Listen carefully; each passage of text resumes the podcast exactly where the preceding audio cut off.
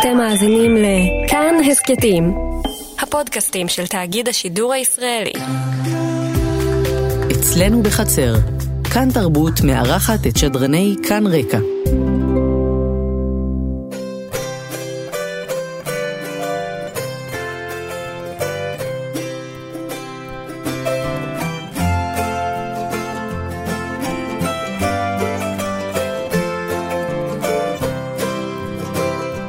שלום למאזינות ומאזינים וחג שמח.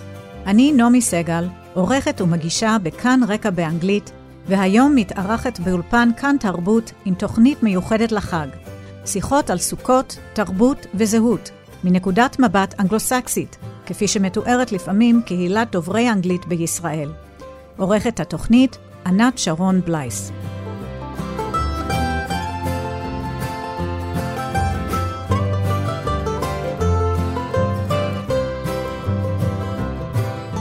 ערב סוכות, ובעיר מגוריי צצות שורות של סוכות על מרפסות הבתים. איך מציינים וחוגגים את החג הארץ-ישראלי כל כך במחוזות רחוקים? בארצות הברית למשל. כמובן תלוי בסוג הקהילה והמקום. שאלתי את הרב דוד לזר, רב קהילת אור המדבר בדרום קליפורניה, איך הם חוגגים את החג. כאן בפלם ספרינגס, במדבר שבקליפורניה, מזג האוויר הוא חם uh, הרבה יותר ממה שיש בארץ אולי. מלבד אילת ו- וים המלח. אז יכול להיות גם uh, בקלות uh, מעלות ב-30 ואפילו 40 בחג הסוכות, כך שמזג האוויר, החוויה של להיות בחוץ במזג האוויר הוא, הוא, הוא לא פחות חריף מלהיות שם בשלג, כן? Um, רק אולי מזכיר את המדבר יותר. כאן, איפה שאני גר, באותו קומפלקס של בתים, אנשים לא יודעים מזה כלום, והיינו צריכים לבקש רשות זה קצת מצחיק, כי הרי בארץ כל אחד בונה סוכה בכל מקום שהם מוצאים בחצר הבית או במרפסת. פה היה צריך לקבל רשות, כי אולי זה לא דומה בדיוק למתווה הארכיטקטורי של המקום. אה, נתנו לנו רשות, ואנחנו מקימים כאן בחצר האחורי שלנו, ונזמין חברי הקהילה אה, לבקר אצלנו. עשיתם את זה כבר בשנה שעברה? לא, האמת היא שבעבר הייתי בבית כנסת גדול יותר, ושם הקמנו את הסוכה, וזה קרוב לבית. עכשיו אנחנו נפגשים בכנסייה, יש לי קהילה קטנה, ואין מקום משלנו, אז אנחנו עושים את הסוכה בחצר כאן, בבית. ספר לנו קצת על הקהילה שלך, אור המדבר. זאת קהילה של אנשים שמחפשים, אנשים בעיקר מבוגרים יותר, לא כולם יהודים, חלקם אה, רוצים אולי לנסות להיות קצת אה, קרוב לקהילה היהודית, חלקם יתגרו באופן רשמי, חלקם גם לא, לא יתגרו והם מבורכים. פאלם ספרינג זה מקום בכלל של אנשים מבוגרים, זה בכלל אה, מקום של, של אוכלוסייה להט"בית מאוד מאוד גבוהה, אחוז של הקהילה, אז חלק גדול. מחברי הקהילה שלי הם גם כן הומואים ולסביות וטרנס ג'נדר וכולי. אה, אין לנו ילדים, אה, ממש שונה מקהילות אחרות שהייתי, אה, אין כאן ילדים, לא גרים ילדים בפלם ספרינגס כמעט, ובוודאי לא ילדים יהודים. אז uh, הכיוון קצת אחר. אם בכל מקום אחר תמיד מדברים על מה יהיה בעתיד, מבקרים אצלי ואומרים, דוד, אבל מה העתיד של עם ישראל אם אין לך ילדים כאן? אז אמרתי, ואני תמיד אומר שהעתיד בפלם ספרינגס זה יום שלישי הבא. יום רביעי הבא. אנחנו חושבים, הולכים כל שבוע. איך מתכוונים לחגוג את החג? מה, מה שמאוד מעניין את האנשים שלי זה, אמ, זה לחוות חוויה יהודית, נקרא לזה אמיתית, אמ, אבל אמ, ללא אמצעים, כלומר, בלתי מתווך. לשבת בסוכה, ליטול ביד את ארבעת המינים. אנחנו מזמינים המון המון סטים של ארבעת המינים כדי שאנשים יכולים להחזיק אותם, להגיש אותם. אמ, בניגוד להלכה שקובעת שתמיד צריך לדאוג אה, שכל ארבעת המינים יהיו טריים ולא יתייבשו, המנהג שלי זה דווקא לא לעטוף אותם יותר מדי, לתת להם להתייבש, ושאוחזים אותם ביד, מחזיקים אותם במשך אה, שבעת ימי החג, רואים איך שהם מתייבשים, וחשים ממש את חוסר המים באזור, איך שהאדמה מתייבשת. אה, אנשים אוהבים את הדברים האלה, זה לא דברים שהם גדלו איתם.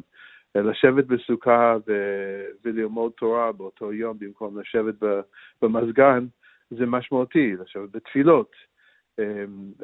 זאת, ככה אנחנו נחגוג, ו, ושוב, בלי ילדים, הדגש הוא במקומות אחרים, כן? אין, אין את כל הקישוטים.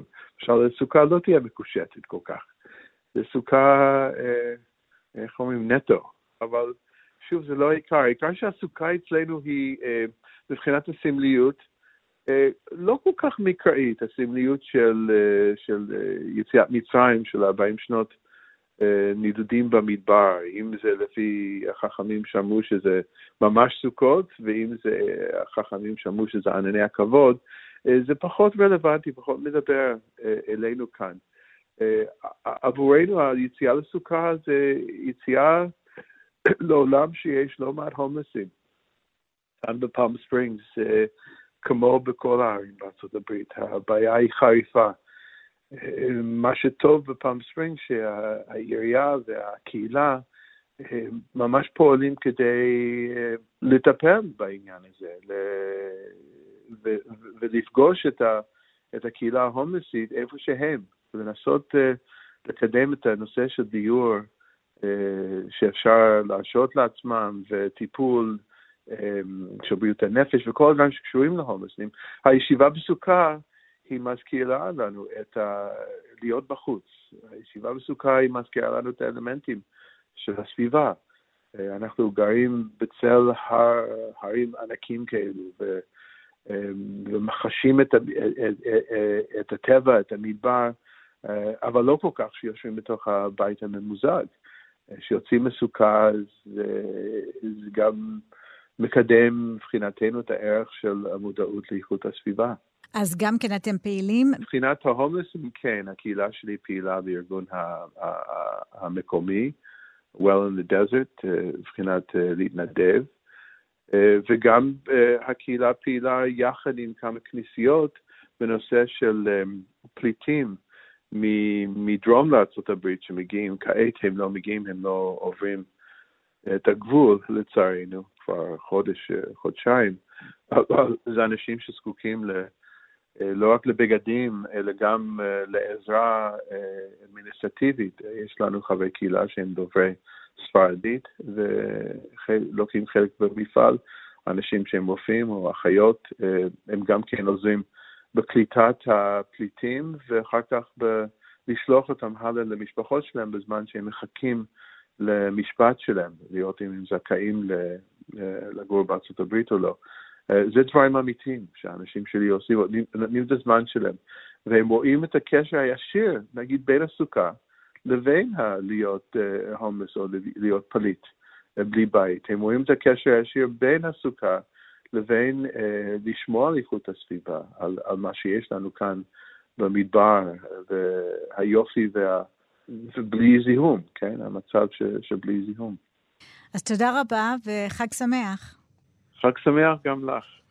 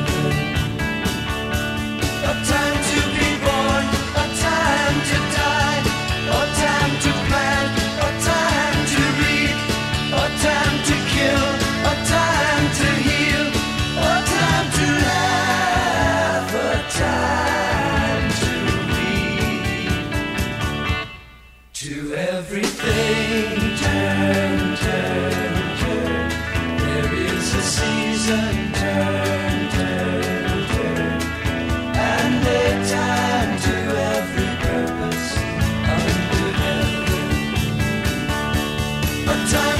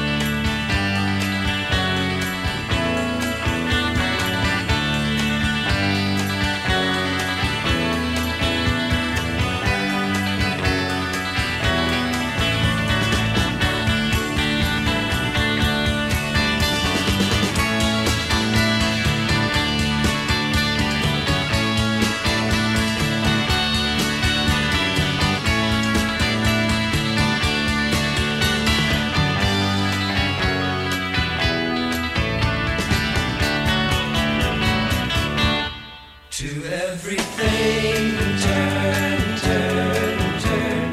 There is a season turn.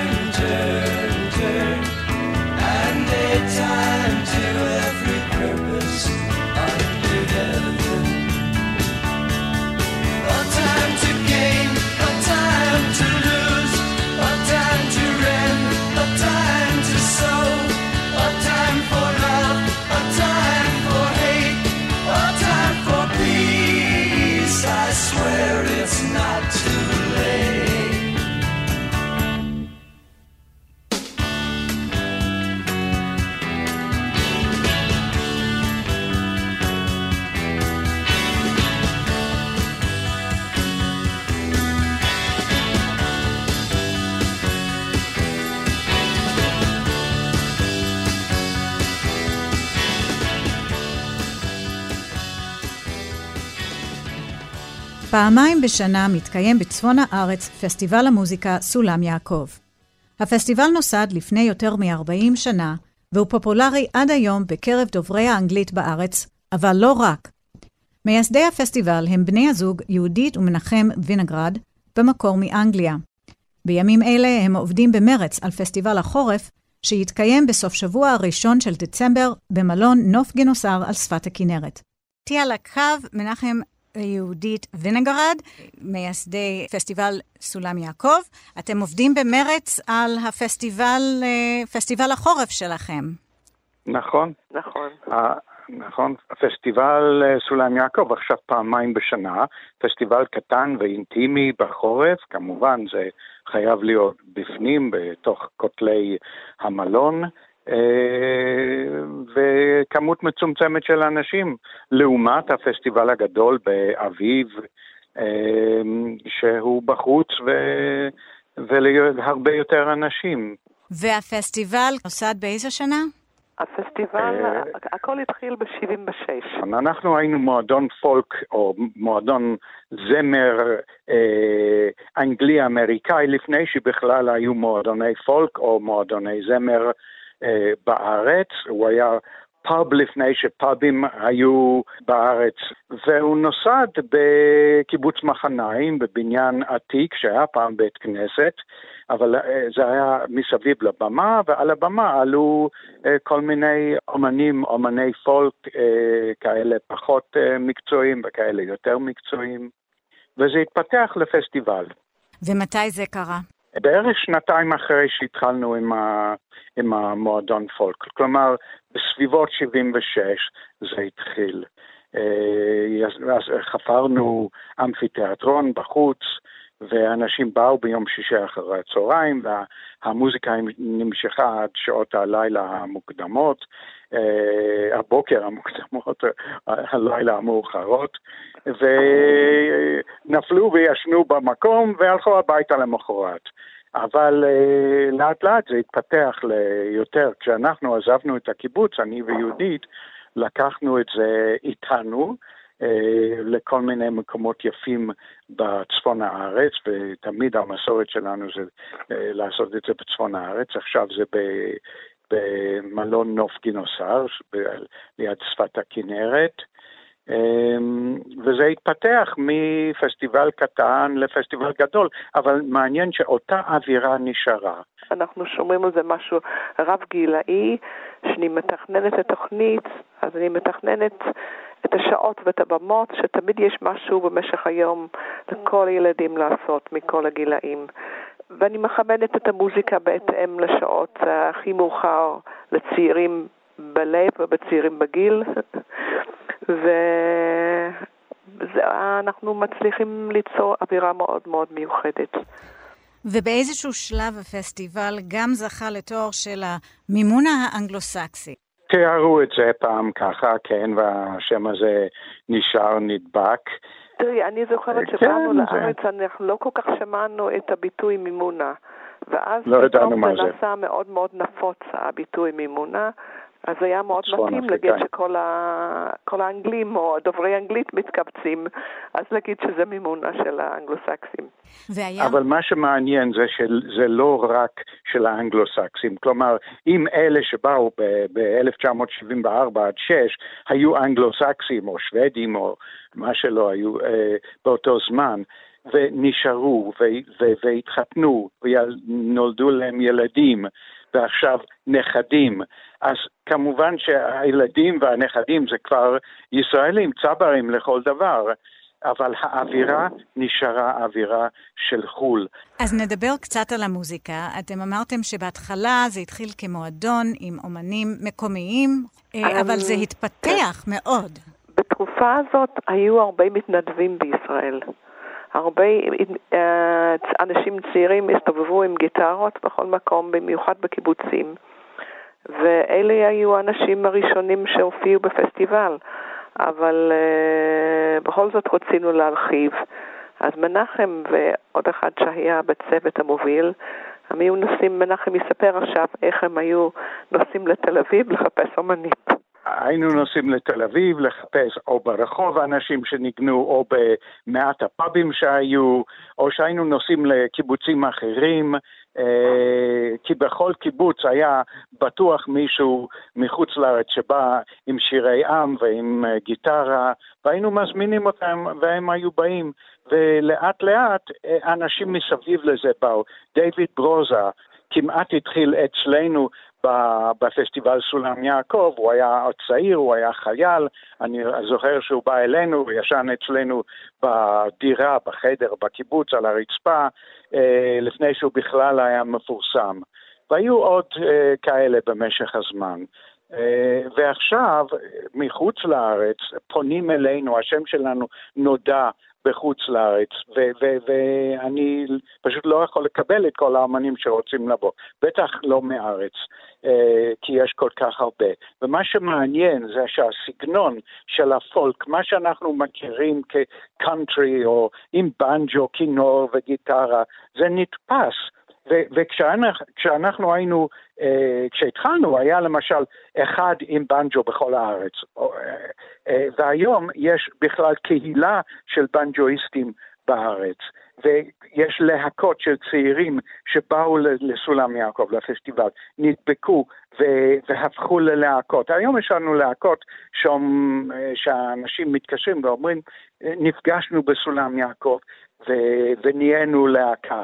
אמ, והאם אנחנו יכולים לנגן עכשיו. אנחנו הכי, הכי אוהבים כאלה שגדלו אצלנו, וזה ילדים, וזה ישראלים לכל דבר. כי הם מבינים את האווירה, והם משתלבים כל כך יפה. ובאמת היו צעירים השנה שבאו במאי פעם ראשונה, והם היו באקסטזה מהפסטיבל, הם נדהמו, הם אף פעם לא היו בחוויה כזאת. ורואים את זה, מסתובבים חודשים אחרי זה, מצמידים. והפסטיבל זה כבר, אה, זה לא רק לפוק, כלומר, אתם כבר, יש המון המון... אה, ז'ונרים אחרים, כן, כן, כי אי אפשר לעמוד במקום, אי אפשר כל שנה שינגנו וישירו בדיוק אותם השירים, 40, אנחנו נכנסים לשנה 44. אז אנחנו התחלנו להרחיב את הז'אנרים. אנחנו כן עושים בלוז, כן עושים אה, אה, רוק. הדבר העיקרי בפולק זה שזה עממי, זה בא מהעם, זה לא כל מיני אלקטרוניקה וטריקים ושטיקים כאלה. אז אתם מבקרים בפסטיבלים בחו"ל, איך אתם, אתם אמרת, כן. אמרת שגם פונים אליכם? כן, אנחנו כל שנה נוסעים לחו"ל לאיזה פסטיבל. אנחנו כל הזמן מתעדכנים במה קורה, גם בארץ אנחנו נוסעים לפסטיבלים. כל הזמן מתעדכנים מה קורה אצל אחרים, מה, מה אפשר ללמוד מזה. ו... ופונים אלינו כל הזמן, אומנים גם מחו"ל וגם מהארץ, ולצערנו אין, יש גבול כמה אנחנו יכולים לקלוט בכל פסטיבל, יש מקום ל... מספר מסוים של להקות. מה יהיה בתוכנית uh, בפסטיבל בחורף? בחורף? כן. בהחלט. יש לנו אומנים, להקה מארצות הברית שקוראים להם The Hollands. The Hollands זה משפחה ש, שחציים אוסטרלים, חציים אמריקאים, והם הם, הם מחלקים את הזמן שלהם בין ארצות הברית לבין אוסטרליה, ומקומות בין לבין. ואפשר להגיד שהם טרובדורים אה, נודדים, נוודים כאלה, אבל המוזיקה שלהם ברמה מאוד גבוהה, וזה מוזיקת פולק וגם דברים שהם כותבים. אה, קוראים להם The Hollands, סימן קריאה. יולי, תספרי על הלהקות הישראליות שבאות. הלהקה גלעד אפרת אונסמבלה. גלעד אפרת הוא בכלל עילוי בעיניי. Uh, הוא מנגן בקונטרבאס והוא כותב, הוא מלחין כל הזמן, כותב, מלחין מוזיקה. זה, זה זה פולק קלאסי, קלאסי, זה, זה קלאסי פולק. זה על גבול הקלאסי ג'אז. ממש על גבול הקלאסי. ושהוא הגיע פעם ראשונה לפסטיבל שלנו לפני כמה שנים, אז הקהל, היו אנשים מהקהל שקצת חששו מה זה מביאים לנו מוזיקה קלאסית, בסוף כולם עשו standing ovation שהמופע הסתיים. על הרגליים, קמו על הרגליים. פשוט כל כך יפה, המוזיקה זה unique, זה משהו ייחודי ומיוחד. הוא מביא הפעם תוכנית שהוא כתב, שקוראים לזה שביל ישראל, וזה על רשמים שהוא קיבל מישראל, מכל מיני מקומות בישראל. אחרי זה יש לנו מופע מאוד מיוחד, גלעד הראל, ה-New Orleans Function Jazz Band. מנחם מספר על, אה, על שני הדברים האלה. אה, זה אה, דיק, דיקסילנד קלזמר, אפשר לדמיין ערבוביה של קלז, מוזיקת קלזמר ומוזיקת דיקסילנד. הקלרינט הרי שולט ב, ב, בשניהם. זה, זה מיוחד, ו...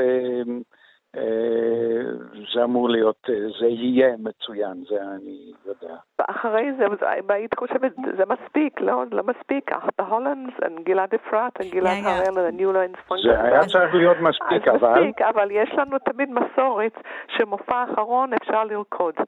אז אנחנו מביאים להקת דז'ה וו, שהם קבוצה של צעירים ישראלים, uh, מקסימים בהם עושים rock and roll party.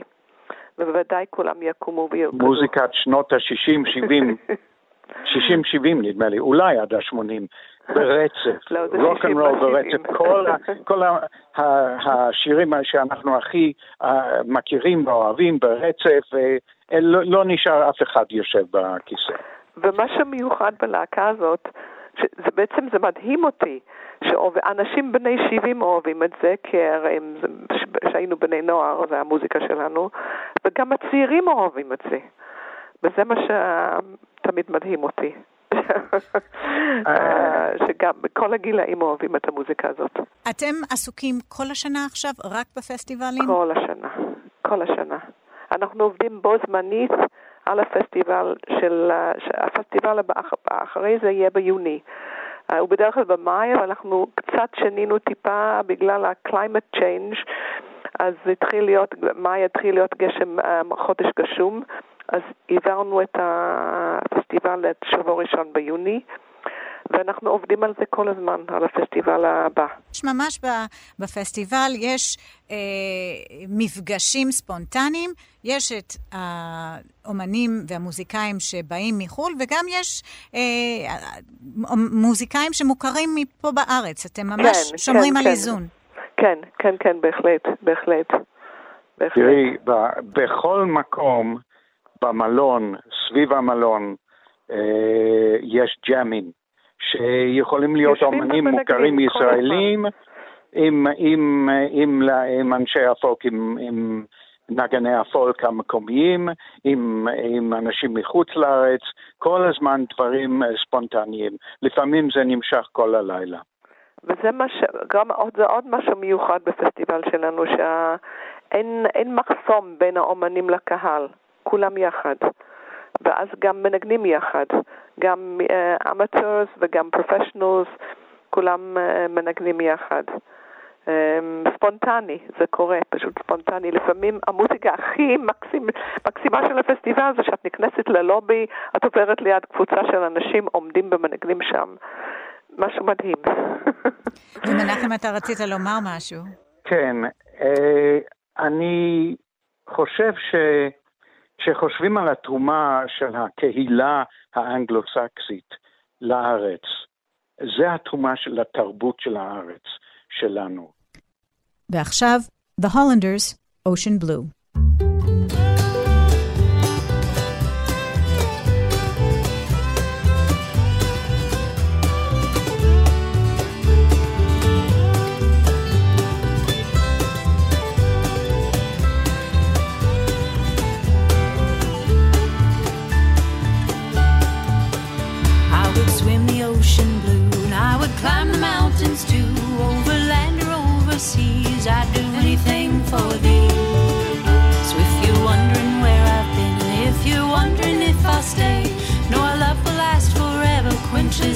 Starry ray. Oh, my Bonnie, my Bonnie, oh, can't you see that the winds have blown you back to me? And I'm as sure, as sure as I can be that my love was made for thee. Well, we'll wander down that path with this winding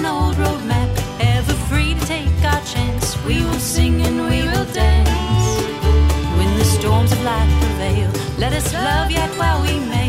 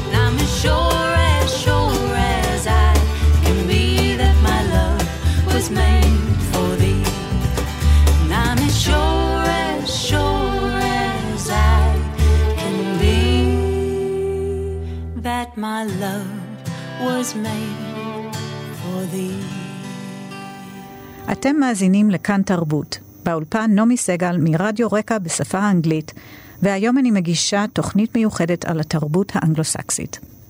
יש לא מעט סופרים כותבי אנגלית בישראל.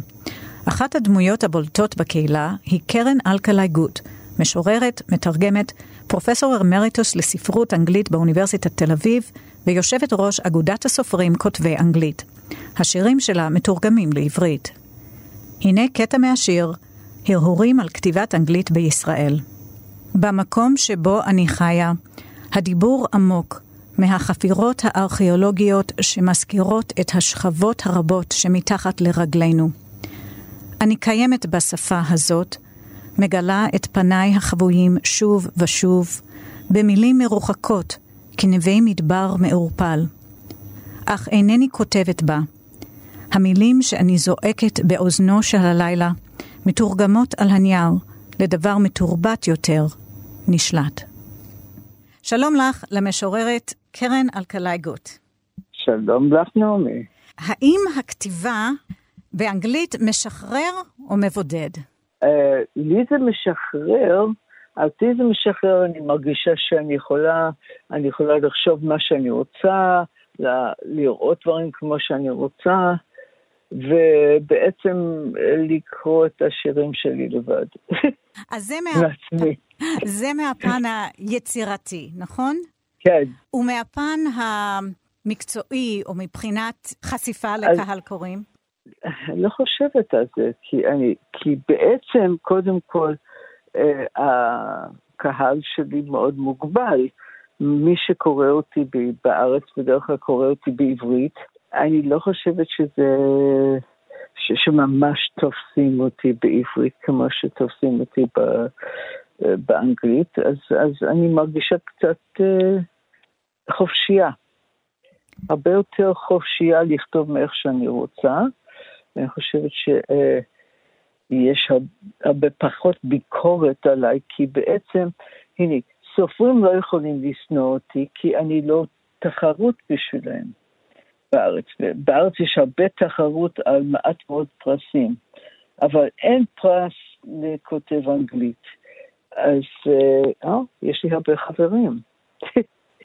זה פה בארץ, לעומת זאת יש כן. מלא פרסים בחו"ל, ואת זכית בכמה וכמה מהם.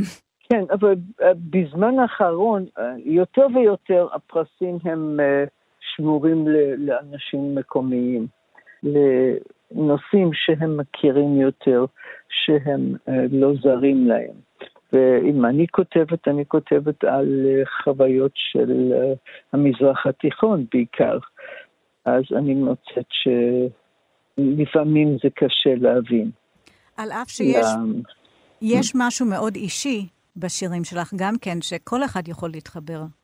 גם נכון, אה, זה נכון, ואחת מהסיבות שהן כל כך אישיות זה ש, שיש לי את הפרטיות הזאת אה, להתבטא איך שאני רוצה. אז אה, זה נכון, אבל אני לא חושבת שיש לי את ה...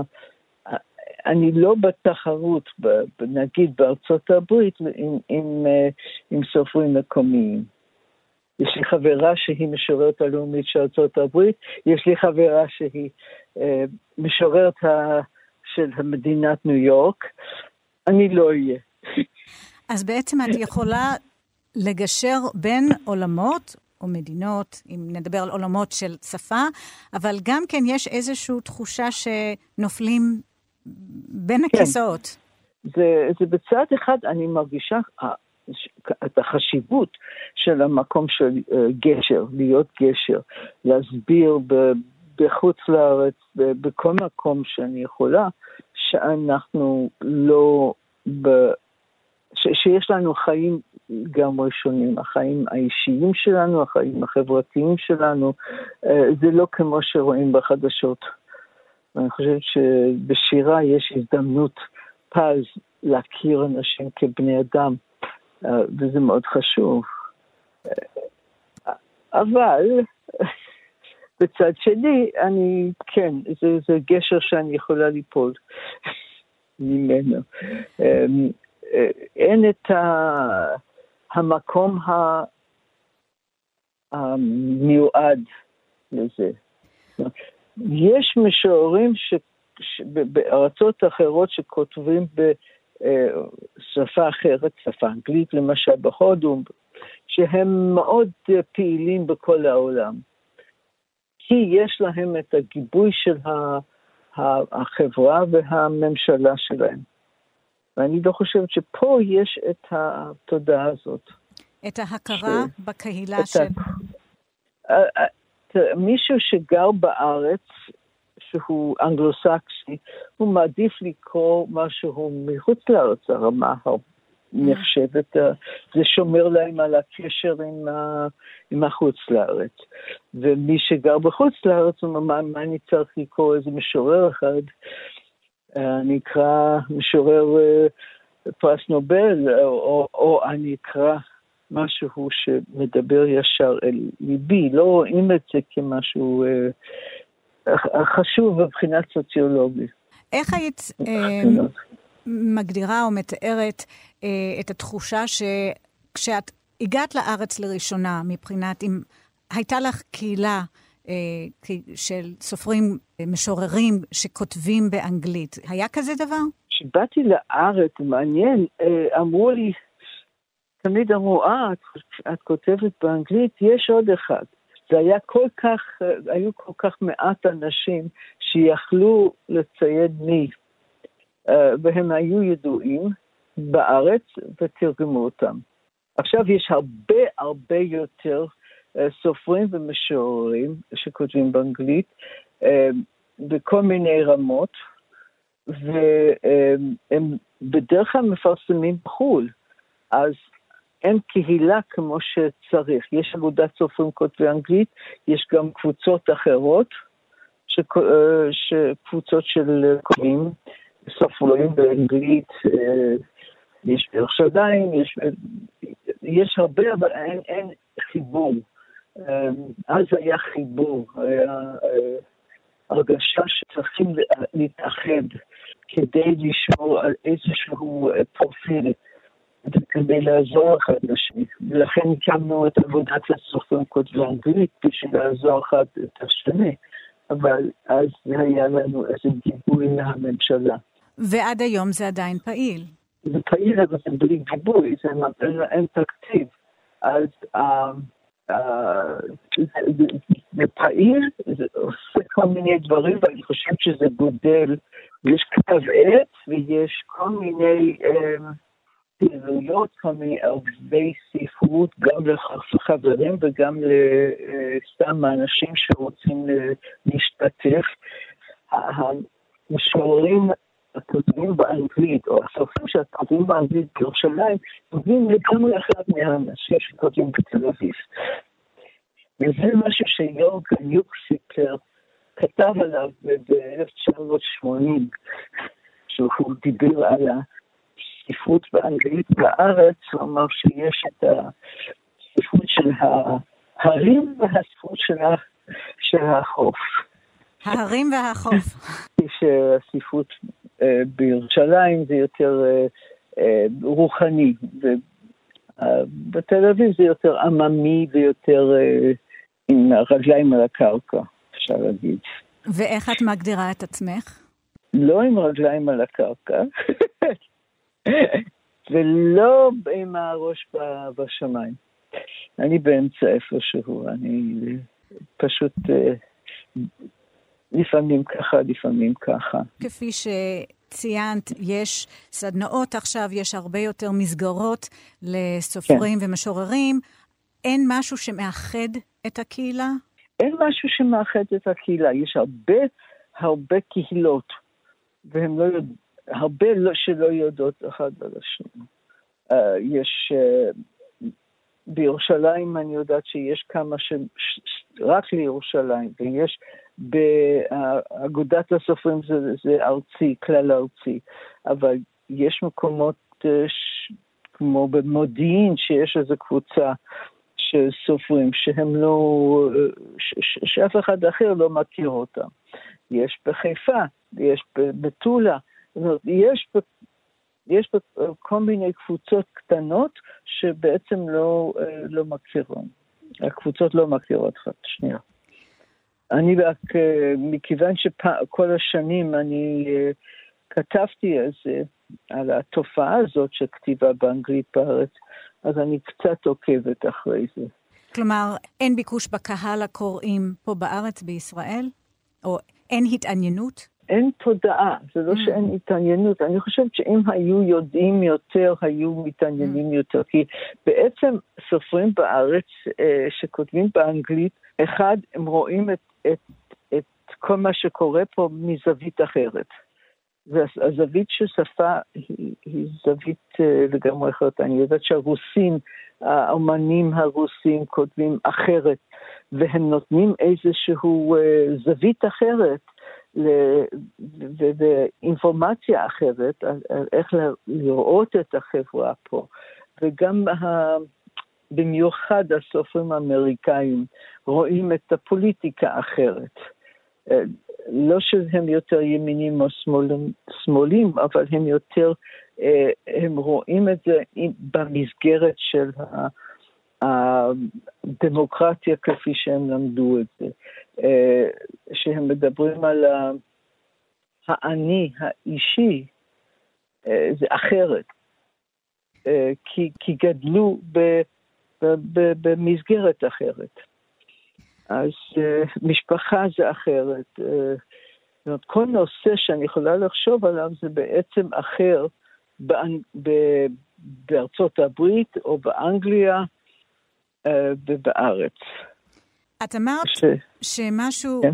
אה, מתפספס, שיש, איזה, שיש איזשהו פספוס בתרגומים של השירה שלך? האם את שומעת את הקול שלך, שאת קוראת את השירים שלך בשפה אחרת, בתרגומים של השירים שלך? עכשיו, כן, אני שומעת קול אחר.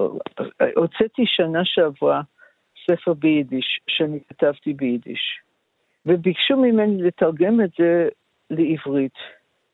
ולא היה לי מישהו אחר שיכול לתרגם את זה, אז אני תרגמתי את זה לעברית. שמעתי בקולי מישהי אחרת. וזה לא המתרגם שזה בעיה פה, זה השפה. השפה זה עולם אחר. כל, uh, כל שפה זה עולם משלו. ובכל מילה זה, זה, יש משמעות אחרת. בעברית, ביידיש, באנגלית, אה, בכל שפה. לא שעברית היא מוגבלת, אבל זה משהו אחר בעברית. אפילו השם שלי, השם שלי קרן, בעברית יש לזה משמעויות אחרות, משמעויות פוליטיות אפילו, כי כשתרגמו את זה בתנ"ך לאנגלית, אז נתנו למשה קרניים. ופתאום ליהודים יש קרניים, כי הבינו את המילה קרן אחר. אז, אז ממש אה, כל מילה זה, זה, זה יכול להביא אותך לכל מיני מקומות. אז, אז, אז תרגום זה מאוד, אה, מאוד מאוד מורכב. וכשאת כותבת ביידיש, כן. מה מושך אותך? לאן את שואבת? זה ממקום אחר אה. שאת כותבת באנגלית? אה, זה ממש, ממש ככה. אה, אני התחלתי לכתוב ביידיש כי הקולות של כל הדודים והדודות שלי שנפטרו לפני שנולדתי, שנספו בשואה, הם דיברו אליי. דיברו אליי, אז רציתי לספר על הקולות שלהם ולדבר איתם. אז התחלתי לכתוב ביידיש. שכחתי את השאלה שלך. כל כך התרגשתי מהשאלה. עם הכתיבה ביידיש, אם את אה, איכשהו, את נוגעת במקום אחר בעצמך. כן, זה ממש מקום אה, שלא ידעתי קיים, קיימת בכלל. אה, מצאתי שיש לי עולם ביידיש ששכחתי ממנו. גדלתי ביידיש, גדלתי עם סיפורים ביידיש אה, שאף אחד אחר לא מכיר. אמ, זה תמיד משורר מגלה, גם אם הוא כותב רק בשפה אחת, הוא כל הזמן מגלה חלקים שונים ממנו, או מהחברה שלו.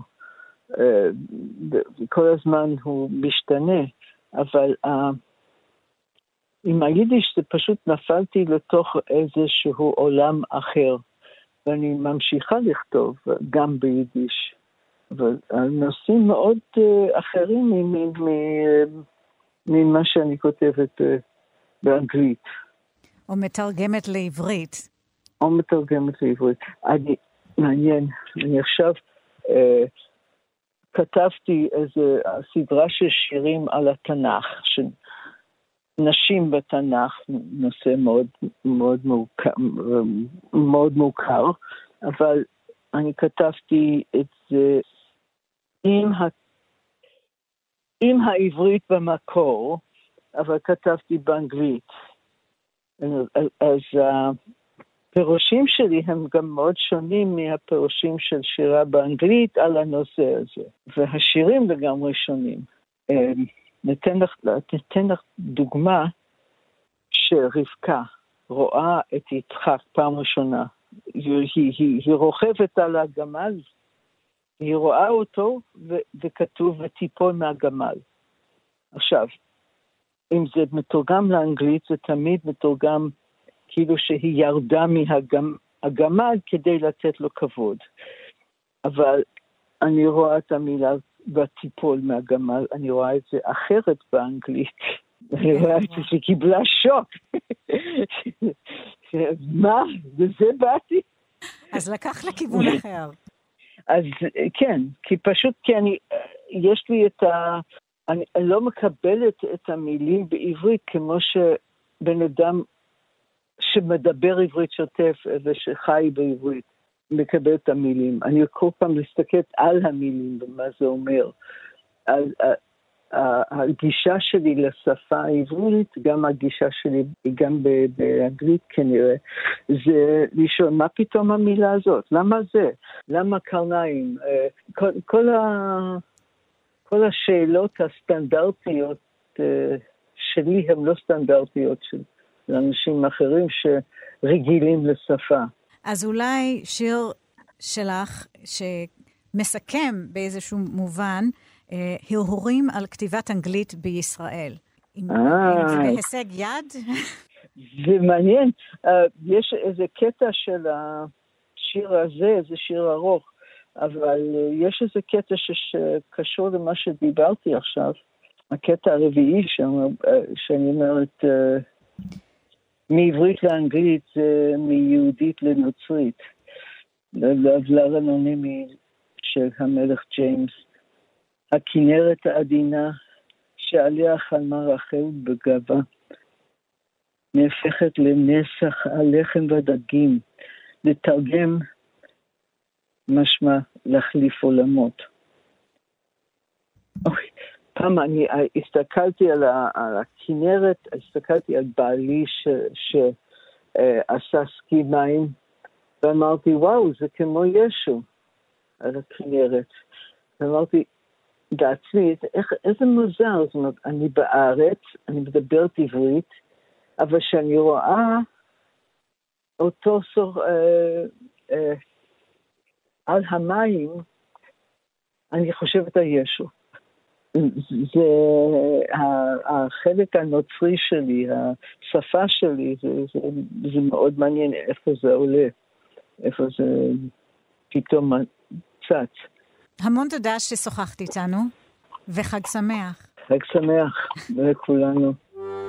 כאן מסתיימת התוכנית. תודה על ההאזנה. עורכת התוכנית ענת שרון בלייס, אני נעמי סגל, שלום וחג שמח.